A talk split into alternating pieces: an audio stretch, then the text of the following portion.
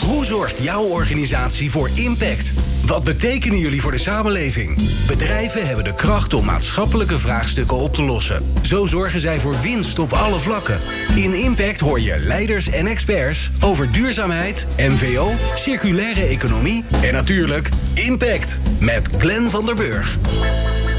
De afgelopen drie jaar hebben we in onze podcast vanaf Springtij steeds één vaste gast gehad. En die is, uh, ja, die is er elk jaar weer bij. En ook dit jaar weer. Johannes Regelink, organisatie-ecoloog, transitiemaker en boer op de burgerboerderij De Patrijs, zijn eigen boerderij. Steeds uh, sprak hij met grote bevlogenheid en kennis over de toekomst van het boerenbedrijf in Nederland. Maar ook over de taaie werkelijkheid van het opstarten van zo'n duurzame boerderij en de worsteling met banken over de financiering. In deze podcast kijken we met hem terug en maken we de balans op. Uh, zijn we op de goede weg of moet het roer drastisch om? En natuurlijk, en dat is al het allerbelangrijkste, ook het allerleukste om het over te hebben. Hoe gaat het met zijn bedrijf? Is het al helemaal, loopt het als een zonnetje? Is de financiering rond? Um, nou ja, dat allemaal. Johannes, leuk dat je er bent. Um, waar ik vorig jaar gebleven ben, in mijn hoofd, um, is, uh, want ik kan me nog herinneren dat we hier aan tafel zaten met uh, iemand van de Rabobank. En dat het ingewikkeld was voor jou, voor, jou, uh, voor jouw boerderij. Uh, omdat jij een heel ander businessmodel hebt. Namelijk niet dat je gaat leveren aan de groothandel enzovoort, enzovoort, enzovoort. Aan de Friesland Campina's van deze wereld. Maar dat je een soort community om jezelf heen aan het creëren bent. Om je boerderij die, uh, die jouw producten gaan afnemen. Dat, uh, dat de banken zeiden, ja, maar dat businessmodel dat snappen we niet. Dat kunnen we niet doorrekenen. En dat gaat, ja, we weten niet of dat gaat werken. Dus computer says no, u krijgt geen geld. En toen ben je gewoon begonnen met juist het opbouwen van die community. Daar ben ik gebleven. Ja. Nou, en wat is er allemaal gebeurd in het afgelopen jaar? Ja, dat klopt. Een jaar geleden hadden we nog geen fysieke boerderij. Um, hadden we wel vier onbemande boerderijwinkels in de regio waar we graag een boerderij uh, uh, wouden beginnen. Onbemande boerderijwinkels, dat vind ik al, dat, dat is alweer, die kan alweer in de, in de dikke van dalen. Hoe ziet dat eruit? Nou, dat is een, uh, een ruimte van, um, ik denk zo'n beetje 20 vierkante meter. Um, mensen komen eerst de eer, of twee ruimtes eigenlijk van 10 vierkante meter samen 20 vierkante meter. Mensen komen die eerste ruimte binnen, daar staan allerlei uh, uh, ongekoelde producten. Dus uh, onder andere granen van landgoed de Vel was dat, dat ook in die regio zit. Um, jam, stroop, appelsap, um, worst, dat soort dingen. Daar staat ook een vriezer waar vlees in ligt. Um, uiteraard koeienvlees van inmiddels dus wel eigen bedrijf. Kijk. Maar ook vlees van uh, de Goed Gevulde uit Halle. Dat is een bedrijf dat uh, alleen met circulaire reststromen uh, varkens en kippen voert. Daar gaat ook onze kaaswijn naartoe. Um, en daarnaast hebben we dan een ruimte, de gekoelde ruimte, eigenlijk een soort koelcel. En daar hebben we groenten in liggen die, van, die we van allerlei andere boeren uit de regio inkopen, biologische boeren. Um, eieren ook van een biologische boer om de hoek. En voor ons eigenlijk het belangrijkste eigen kaas en eigen zuivel. Oké. Maar je, je, hebt dus eigenlijk gewoon een soort heel uh, commercieel ecosysteem ingericht voor niet alleen voor je, voor je eigen boerderij, die er toen, als ik dan even ga teruggaan naar vorig jaar, die, die er toen eigenlijk nog niet was. Klopt. Ja. Je, je hebt een soort, uh, soort winkelketen ben je eigenlijk begonnen.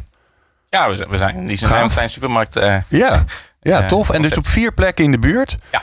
Um, en mensen gaan er gewoon heen, die krijgen een, een sleutel of, een, uh, of, of die loggen in uh, en, dan, en dan gaan ze naar binnen en dan nemen ze mee waar ze, waar ze zin in hebben. Ja, mensen die uh, melden zich aan via een app. daar betalen ze 5 euro per jaar voor als symbolische bijdrage aan het initiatief. Ja. dan krijgen ze dus een toegangscode via de app. Daarmee kunnen ze op de knop deur openen klikken. Dan gaat hij van slot. Kunnen ze naar binnen, kunnen ze winkelen en kunnen ze registreren wat ja, wat ze meegenomen ja, hebben. En dat gebeurt dan op, op basis van vertrouwen? Want ja, er is niemand om af te rekenen. Dat gebeurt op basis van vertrouwen. Um, en helaas merken we de laatste tijd ook dat het vertrouwen nog wel eens geschaad wordt. Uh, dus we zijn nu bezig om daar camera's in op te hangen. Oké, okay. ja. God, Moet dat is ook toch. wel verdrietig, toch? Absoluut. Ja, ja. ja dat snap ik, ja. hey, en uh, uh, nou, daarmee kon je volgens mij, want dat was volgens mij vorig jaar het verhaal, dat je, dat je, dat je kon aantonen bij de bank. Je zei, ja, ik heb mijn community, die heb ik opgebouwd. Ja kan je natuurlijk altijd mee doorgaan, maar die heb ik uh, voor ja. elkaar. Ik heb, uh, ik heb een kaststroom, want ik krijg, uh, krijg geld binnen. Ja. Is het dan ook daadwerkelijk gelukt om de financiering rond te krijgen? Want uiteindelijk, ja, daar ben je ooit mee begonnen. Wilde, ja. je, wilde je een eigen boerderij hebben? Ja. Um, en naast die burgers die boodschappen doen en die, waarmee we die kaststroom hebben, waren er ook nog 500 burgers die gezegd hebben: wij leggen met elkaar 1 miljoen euro in Zo. om mee eigenaar te worden van de boerderij. Ehm, en in die combinatie eh, met ook de Rabobank, maar ook met Aardpeer, die voor ons een stuk grond gekocht heeft en weer aan ons een erfpacht gegeven heeft. Uh, een particuliere investeerder en mijn eigen geld is het gelukt om een boerderij over te nemen. En afgelopen jaar op 1 december hebben we dus een melkveebedrijf met 70 melkkoeien overgenomen. Jeetje, maar, maar 500 mensen die hebben dus bij elkaar een miljoen bij elkaar gelegd. En dat heb je. Ja, eh, ondertussen kijk je er waarschijnlijk op terug. Denk je, ja, dat hebben we ook nog. Maar dat is echt heel bijzonder dat je dat voor elkaar hebt gekregen. Ja, dat was ook flink uh, aanpoten. Ja. Dat voor elkaar te krijgen. Ja. ja. Gaaf. Ja. En die mensen zijn natuurlijk super betrokken ondertussen. Want ja, hun geld wel, zit erin. niet. Oké. Ehm, mensen hebben ook het gevoel dat ze het geld erin gestopt hebben wat ze sowieso wel konden missen. Ja, ja. Uh, merk in de praktijk. Uh, voor een deel zijn het ook mensen die, die wat verder weg uh, wonen. Um, een ander voorbeeld is, we hebben letterlijk 500 meter van de boerderij een stel zitten dat ook mee eigenaar geworden is van de boerderij. En die spraken we drie weken geleden op een um, huwelijk van, van een buurman. Dus daar, daar heb je als buurt een, een boog te bouwen, daar deden we natuurlijk ook aan mee. Mm um, en ze zeiden van ja, ja, ja, we zijn wel deelgenoot, maar we hebben eigenlijk nog nooit bij jullie boodschappen gedaan. Oh, nou, dus, zei je? Dus, dat wordt tijd dan. Precies, Ja. en inmiddels eh, zijn ze, hebben ze wel eh, boodschappen gedaan. Ja. Ehm, maar daarin zie je dat het patroon van die mensen veranderen van waar ze hun dagelijkse boodschappen doen of hun wekelijkse boodschappen, eh, dat dat nog een hele taaie klus is. Ja. Ja. ja. Dus in die zin, als ik nu ook weer terugkijk naar de skepsis van de banken toen, dan begrijp ik die nu nog beter dan dat ik hem toen al wel begreep. Ja, en aan de andere kant, ehm, ja, kijk, als mensen zoals jij eh, daar niet mee aan de slag kunnen en daarheen kunnen breken en met al je energie eraan gaan werken, dan, ja, dan gaat er natuurlijk nooit wat veranderen. Dat zou je ook kunnen zeggen. Absoluut. Toch? Absoluut. Ja, Hey, en dan- Floris Alkema die zei gisteren van eh, eh, het begint bij dromen om een nieuwe werkelijkheid te bouwen. Nou ja, dit was ook een droom en daarmee hebben we best wel Ja. wat moois neergezet. Hey, en dan koop je dus een, een eh, melkveehouderij met 70 melkkoeien. Ja. Dat was nog geen eh, biologische eh, boerderij. Zeker nog niet zoals jij hem zelf, eh, ja, het, vi- de visie die jij daarop hebt. Klopt. Wat, wat trof je aan? Wat heb je gekocht? Ja, we hebben dus eh 70 Holstein koeien gekocht. Dat is het ras in de wereld dat het meest productief is. Ehm, met een aantal kuilen met, met gras en mais. Wat brok van Four Farmers in de, in de silo. Ehm, machines, een woonhuis. ehm, en, eh, en natuurlijk een, eh, een hoop grond. Ja, grasland neem ik aan. Grasland en dan met name ook weer Engels rijgras. Ehm, en Ja. Dus nog niet kruidenrijk. Ik wou net zeggen, dus, dus het is echt een traditioneel bedrijf. Ja. Waarvan jij en velen met ons zeggen van nou, dat, dat moet anders. Ja. Dat kan anders. ja, dat heeft bepaalde impact op, op onze aarde. Ja. Ehm, en een melkveebedrijf heeft ook wel de nodige positieve impact op de aarde, maar ook een hoop negatieve impact. Eh, en volgens mij kunnen we die grote impact vergroten en die negatieve impact verkleinen. Ja. En dat is wat we ondertussen aan het doen zijn daar. Ja, en waar begin je dan? Want er is dan ongelooflijk veel te doen. Ja, klopt. Eh, het beeld waar je naartoe wil eh, is totaal anders. Ja. Wat is stap 1? Want je hebt natuurlijk ook geen oneindige middelen om maar gewoon iedereen een paar honderd man te laten bouwen en doen en aanplanten en noem maar op. nou, hadden we dat maar. Ja, toch? Ja, Ja. maar dat is niet zo. Nee. Dus hoe, hoe, hoe- ja, dan moet je keuzes maken. Ehm, we kwamen daar in december. Dus op 1 december s ochtends eh, eh, hebben Herman en Ina, de oude boeren, nog gemolken. Eh, S S'avonds waren wij aan de beurt.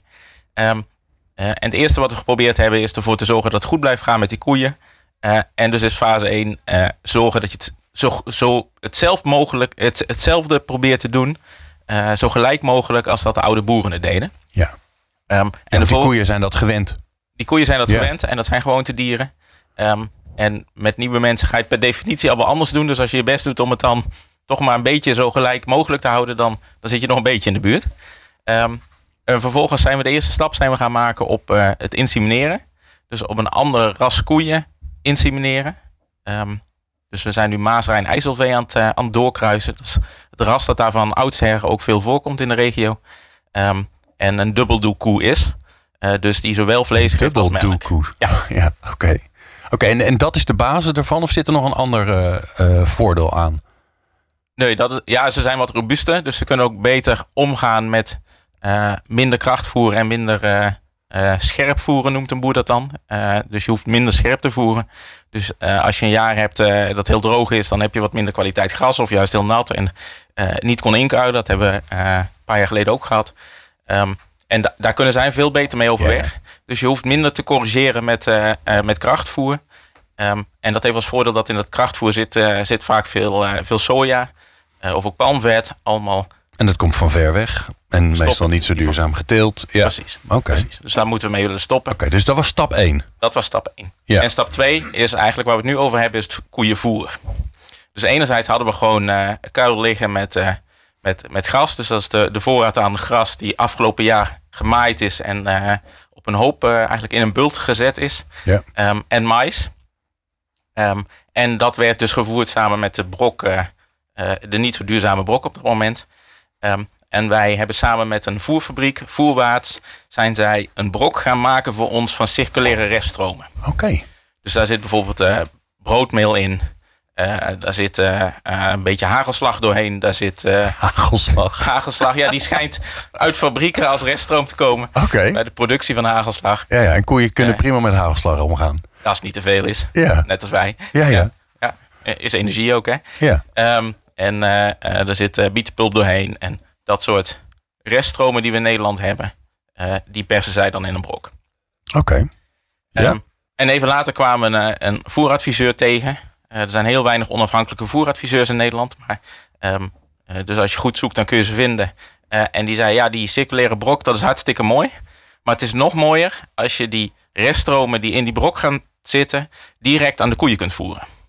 Want die komen vaak nat uit een fabriek. Zoals bijvoorbeeld bietenpulp. Komt nat uit een fabriek. En als je dat in een brok wil stoppen, moet je het eerst drogen, transporteren, in een brok persen. Ah, en dat kost weer energie. Naar de boerderij brengen, dat kost weer heel veel energie. Ja. Terwijl die bietenpulp kun je ook nat aan de koeien voeren. En er zijn best wel wat boeren in Nederland die dat doen. Maar dat zijn dan hele grote bedrijven. Want je moet, eh, om die bietenpulp dan goed te houden, moet je genoeg voersnelheid hebben. Ja, want je dat kan het niet, la- dan kan je niet lang bewaren, want dan gaat het, eh, dan gaat het gewoon schimmelen. Ja, dat snap ik. Ja. Als daar lucht bij komt, er water bij komt, dan eh, schimmelt dat snel weg. Ja. Ehm, en dan zei ja, dat lukt bij jullie niet. Maar wat jullie wel kunnen doen, is mengkuilen maken. Dus wat we gedaan hebben, is de maiskuil en de graskuil. En bietenpulp onder andere. En eh, ehm, eh, gries, dat blijft over als je van eh eh, tarwe, meel, bloem maakt. Hebben we in een kuil gestopt. En dat voeren we nu aan de koeien. En dat heeft voor ons, omdat we met zoveel mensen werken... en ook met vrijwilligers werken, als grote voordeel... dat we heel constant voeren. Dus we kunnen eigenlijk geen fouten maken met het mengen van het voer op dat moment. En we kunnen alleen iets te veel voor gooien of iets te weinig. Maar dat kan iedereen zelf ook beoordelen. Ja. Ehm, dus het is goed voor de koeien, voor de gezondheid van de koeien. Ehm, het zorgt ervoor ook dat we eh, best wel scherp zitten nu op eh, eh, het, het, de eiwitefficiëntie. Eh, dus boeren die kijken naar het ureum in de melk, hoeveel eiwit er in de melk zit.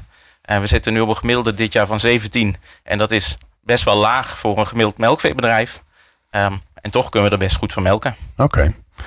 En eh, eh, ja, een van de dingen waar, eh, die je ook al zei, hè, dat die, die, weilanden die staan vol met, eh, met gras. En de, ja, de onoplettende of misschien eh, onwetende eh, mensen zoals ik, die denken, nou dat is gras, dat is hartstikke mooi en het ziet er gezellig uit. Maar ondertussen, na al die jaren, weet ik dat eh boerengrasland meestal niet zo heel erg biodivers is. Sterker nog, sommige mensen noemen het grasvalt. Ehm, wa- wat zijn je plannen daarvoor? Ja, we zijn een aantal graslanden hebben al doorgezaaid. Eentje op het huiskavel zelfs vorig jaar al. Want met die droogte waren er heel veel kale plekken ontstaan. Eh, en toen konden we dat eigenlijk meteen inzaaien. En hoeven we dat niet meer, eh, niet meer te bewerken. Ehm, maar dat heeft eh, weer één grote uitdaging. Want vroeger werden de koeien op een perceel van ongeveer 1 hectare... op een stuk, stuk van het huiskavel van 1 hectare gezet. En dan drie dagen achter elkaar. En wat je dan ziet is dat die koeien ehm, op allerlei plekken het lekkere voer eruit eten.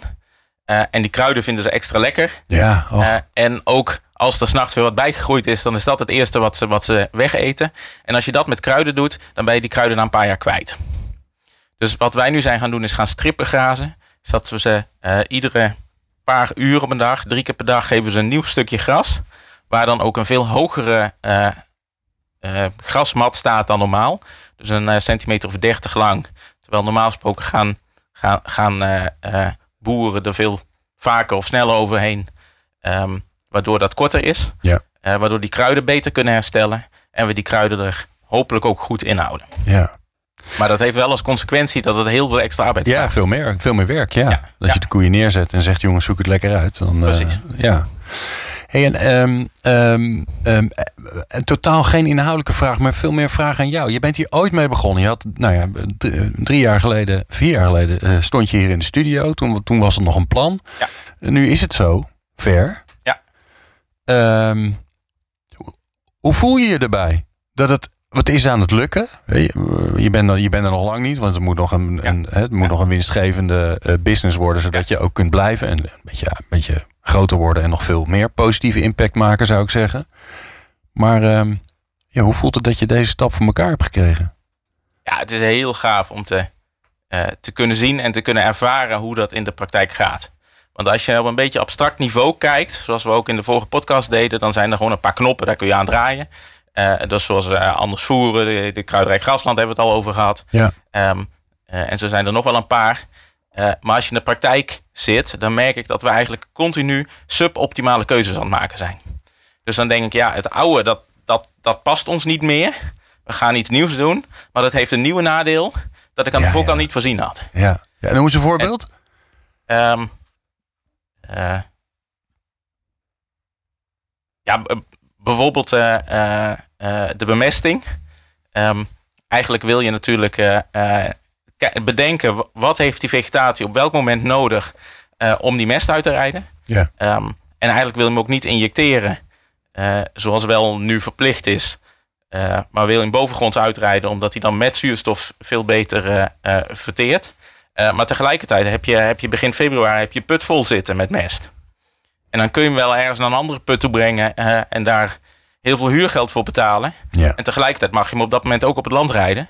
Ehm, en Maar heb je eigenlijk, eigenlijk, maar als eigenlijk boer- is dat in februari niet het moment dat je dat voor de vegeta- vegetatie een goed moment is om het uit te rijden. Nee, het was beter geweest om dat iets later te doen. Ja, Eh, als de bodem al wat warmer is, het bodemleven actief is. ehm, waardoor die mest meteen ook verwerkt kan worden. En meteen aan die planten aangeboden kan worden. eh, dan om dat meteen dan te doen. ja. Ehm, maar ja, tegelijkertijd zit je put vol.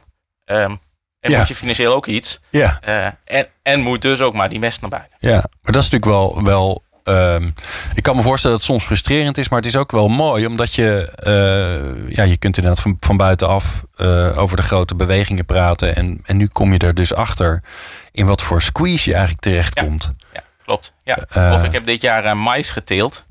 Ehm, terwijl eigenlijk wil ik geen mais telen. Maar mais levert wel gewoon de meeste voer per hectare op eh, voor de koeien. Ja. En nu in het startpunt met die financieel uitdagende tijd ook dacht ik dat dat moet ik maar doen. En dat hebben we op een perceel gedaan waar eerder eh, grasland stond dat niet echt wilde.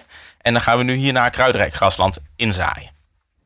Ehm, Ja. Maar ja, dat mais telen dat zorgt er ook voor dat je eh, laat in het jaar je, je bodem nog hebt liggen.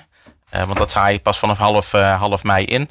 Eh, dat wordt relatief ver uit elkaar gezaaid, dus er kan veel onkruid in komen. Dus als je dat wil bestrijden, dan moet je er met een trekker weer een aantal keer overheen met bijvoorbeeld een wietheg of een, of een schoffel. Eh, dus al met al gaat daar best wel veel diesel in zitten om de, om de mais te telen. Ja. Ja, en eigenlijk willen we dat helemaal niet. Nee, nee. Ja, wel, ja en wel mooi. Wat bedoel je, je, je, je maakt het nu mee. Je, je maakt die keuzes en daardoor ga je ook elke keer moet je ook bedenken: oké, nou, we, we, we kiezen nu voor dit suboptimale, maar hoe ga ik het dan in de toekomst doen? Ja. Dus hoe ga, ik het, hoe ga ik dit probleem nou weer oplossen? Ja. En, ja, wij noemen dat dan transitiepijn. Ja, ja, dat, Dus ja, het doet pijn dat we dit doen. Ja. Het is beter dan het doet minder pijn dan, dan, dan het alternatief. ja, Eh, en we Ja. zijn er gewoon nog niet. ja, en je Ja. bent in ontwikkeling, toch? Ja, dat is, je bent aan het leren. Ja. ja. Volgens mij had je ook nog plannen om een voedselbos te maken. En, eh, Ja, geen, geen voedselbos, want dat, eh, ehm, dat is qua, qua eh, het, het, ehm, hoe heet het, qua opbrengst. Zeg maar, er komt heel veel opbrengst vanaf, maar het kost heel veel arbeid om die ook daadwerkelijk uit het bos te krijgen Ja, en, ja. eh, en te verwerken. ja, Ehm, om te plukken bijvoorbeeld, of een walnotenboom waar je frambozen onder hebt staan. Ja, die, die walnoten die, die kun je eigenlijk helemaal niet fatsoenlijk eh, eh, oprapen op dat moment. Maar wat we wel willen is een agroforestry systeem. ja, Eh, dus bomen in het huiskavel waar de, waar de koeien ook grazen. Ehm, en dan op wat grotere schaal ook wel eh, bijvoorbeeld walnoten, hazelaar, eh, appels, peren Ja. eh, te kunnen telen. En help me even eh, om het uit te leggen wat het verschil is tussen een voedselbos bos en een agroforestry systeem. En dan ben ik weer aan het leren. Ja, een voedselbos is een, is een meerlagig systeem waar ik geloof eh, in ieder geval heel veel lagen in zitten. Dus je hebt enerzijds een kruidlaag met uh, Ja. soorten die je kunt eten. Je hebt een struiklaag, nou, bijvoorbeeld van bozen waar je van kunt eten. Eh, en dan heb je een boomlaag en dat kunnen bijvoorbeeld eh eh, de walnoten zijn waar ik het net over had. En dan heb je nog planten die eh, door die boomlaag heen, door die struik en boomlaag heen kunnen klimmen. Eh, hop zou daar een voorbeeld van kunnen zijn. Ehm, en het idee is dus als je dat met elkaar combineert, dan bouw je een heel eh, complex systeem waar heel veel voedsel vanaf komt. Ja. Maar wat voor ons als mensen heel moeilijk te oogsten is. Ja. En met agroforestry eh, maken we het eigenlijk simpeler. Dan zeggen we, we hebben maar twee lagen. We hebben de kruidlaag. Daar staat bijvoorbeeld dat kruidenrijk grasland in voor die koeien. Ehm, en we hebben de boomlaag. Dat is bijvoorbeeld die walnoten. eh, of appels of peren. Ja, hoogstampfruit zou er ook op kunnen. Dat ja. zou er heel goed in passen. ja, oké. En dat combineren we dan met elkaar. Ja, ja, oké, god. Maar voor de kennis mag ik dat geen voedselbos noemen. Want dan, eh, dan klopt het niet. In Nee, want je hebt niet genoeg lagen om, om, Precies. om daaraan te voldoen. Precies. Maar het is al. Maar het grappige is natuurlijk dan, je ziet gelijk het landschap helemaal veranderen als je dat gaat doen. hè? klopt. Ja. Dus die, die, die platte lange weilanden die we ook zo eh, mooi vinden aan het Hollandse landschap, die gaan dan langzaamaan, eh ja, w- wordt het, wordt het veel bomiger en bossiger. Ja. Ja. Wanneer staat het op de planning? Want dat lijkt me best ingrijpend als je dat gaat doen. Ja, dat gaan we volgende winter eh, doen. Dus niet deze winter, maar de winter daarna. En dat is onder andere omdat we met dat stripbegaas ook nog aan het zoeken zijn. Hoe kunnen we dat nou enigszins efficiënt doen, zodat het wat minder arbeidstijd kost. En, dat, en dan maakt het ook uit hoe breed je de banen maakt, waardoor je de koeien eh, over het weiland heen eh, Ja. stuurt. Ja, en als die bomen vaststaan, dan, dan, dan kun je niet meer veranderen met hoe breed je die banen maakt, bijvoorbeeld. Ja. Wat is de grootste uitdaging, eh, Johannes, die, die je voor het komende jaar hebt? Want dan spreken we elkaar volgend jaar gewoon gezellig weer. Ja, de grootste uitdaging is om alle melk zelf verwaard te krijgen. Nu gaat ongeveer 70% van onze melk nog naar de wereldhandel. Eh, die prijs is de afgelopen jaar enorm hard achteruit gegaan. Eh, onze kosten zijn een stuk hoger dan dat we begroot hebben. Ehm, dus we hebben nu eh, de enige optie eigenlijk is dat we ervoor zorgen dat we de melk van volgend jaar aan mensen in het land verkopen in de vorm van kaas. Ja. Dus we zijn nu met een campagne begonnen waarin mensen een kaasabonnement kunnen afnemen voor een jaar lang kaas. Eh, en dan vanaf januari gaan we alle melk zelf kaas van maken. En dan stuurt het per post op naar mensen die dat, die dat willen. Oké. Nou, dan is het natuurlijk een makkelijke vraag. Hè? Als je dit hoort en je denkt, ja, ik, eh, natuurlijk wil ik kaas van Johannes. Want, eh, en het is ongetwijfeld super lekker. maar dan help ik hem ook nog eens een keer om te laten zien dat deze vorm van, van, van, van boeren, dat, die, dat het wel eens de toekomst zou kunnen zijn. In ieder geval veel toekomstbestendiger dan, dan, dan zoals we het nu doen. Waar moeten ze dan naartoe? Naar www.depatrijs.eco met een c slash kaas. Oké. Depatrijs.eco. Ja, nou, wij gaan hem ook in ieder geval in de, in de show notes opnemen. Ehm, los van eh, natuurlijk klanten, wat natuurlijk het meest fantastisch is. Want als, als, ja, als mensen klant bij je zijn en ze blijven bij je bestellen, dat is misschien wel de meest duurzame manier om te zorgen dat jij, eh, jij je eigen transitie voor elkaar kan krijgen op de boerderij. Is er nog iets anders waar je hulp bij nodig hebt? Heb je nog meer financiers nodig? Ehm, ja, dat, dat komt ongetwijfeld ook. We willen volgend jaar graag eh, eh, een tuinderij starten op het bedrijf. Ehm, nou ja, daar zijn ook weer wat investeringen voor nodig. Eh, er is een stuk grond in de buurt te koop. Dat willen we graag erbij hebben. Omdat we dan grond dat wat verder weg is kunnen afstoten. En dat scheelt weer een hoop brandstofverbruik. Oké. Ehm, dus nou ja, mensen die denken, dit vind ik zo'n mooi initiatief. Ik wil er graag in financieren. Die mogen zich altijd melden. Ja, want, want ondertussen heb je met die 500 mensen die al geïnvesteerd hebben, heb je ook het, het sy- systeem, heb je ook voor elkaar dat mensen kunnen investeren. Hè? Daar hoef je niet meer eh, klopt. heel erg ingewikkeld over na te denken. Nee, die juridische structuur en die governance die, die staat. Ehm, er is een coöperatie. Daar zijn eh, eh, drie mensen van die 500 zijn daar het bestuur van. Die zijn ons aanspreekpunt richting, richting die 500 mensen. Eh, en die coöperatie is mee aandeelhouder van de BV die de gronden en de gebouwen gekocht heeft. Eh, en weer mee participeert in de maatschap die, eh, die de exploitatie doet. Goedemorgen, wat hebben we allemaal voor elkaar gekregen? Ik vind het wel heel tof om te horen. Ehm, voor iedereen die niet weet waar je ongeveer zit, wat je verzorgingsgebied is, want die, die, gaan, die zitten nu te denken van, oh, ik woon in Zeeland, ik wil wel kaas bij je bestellen, maar ja, misschien is dat een beetje ver weg. Nee, dat mag. Alles kan, die, want dat die gaat. kaas volgend jaar die gaan we per post gewoon in een doos stoppen. Ehm, en dat is omdat we in de buurt van, van Lochem, daar zitten we. eh Laren Gelderland om precies te zijn, Ja. is Pieterpad. Ehm, omdat we eh, daar lokaal nu 30% van onze melk daadwerkelijk verkocht krijgen via die vestlokalen. Eh, maar dus nu die sprong willen maken naar 100% eh, de melk zelf verwerken. En dan hebben we toch een brede groep mensen nodig in het hele land. Hartstikke Dus goed. ook iemand uit Zeeland is van harte welkom om, een jaar lang kaas van ons te krijgen. Nou, bij deze heb je er een, een kaasabonnee bij. daar ben ik zelf en mijn gezin die daar ongelooflijk van gaat genieten. dankjewel Johannes. volgend jaar ben je er weer. Uh, want wij gaan dit, uh, dit feuilleton natuurlijk gewoon vervolgen. Want daar is het veel te leuk voor. Je hebt geluisterd naar Johannes Regeling. Als je meer wil weten, dan moet je naar uh, depatrijs.eco. En als je kaas wil, dan moet je nog slash kaas achter doen. En anders kijk je in de show notes. Als je meer wil weten over Johannes. We zullen ook wel eens even de oude podcast van de afgelopen drie jaar... die zullen we erbij zetten. Dan kan je het hele verhaal achter elkaar doorluisteren. Want volgens mij is dat super leuk om te horen hoe die ontwikkeling is gegaan. Dankjewel Johannes en heel veel succes het komende jaar weer. Dankjewel. Meer afleveringen van Impact vind je op impact.radio.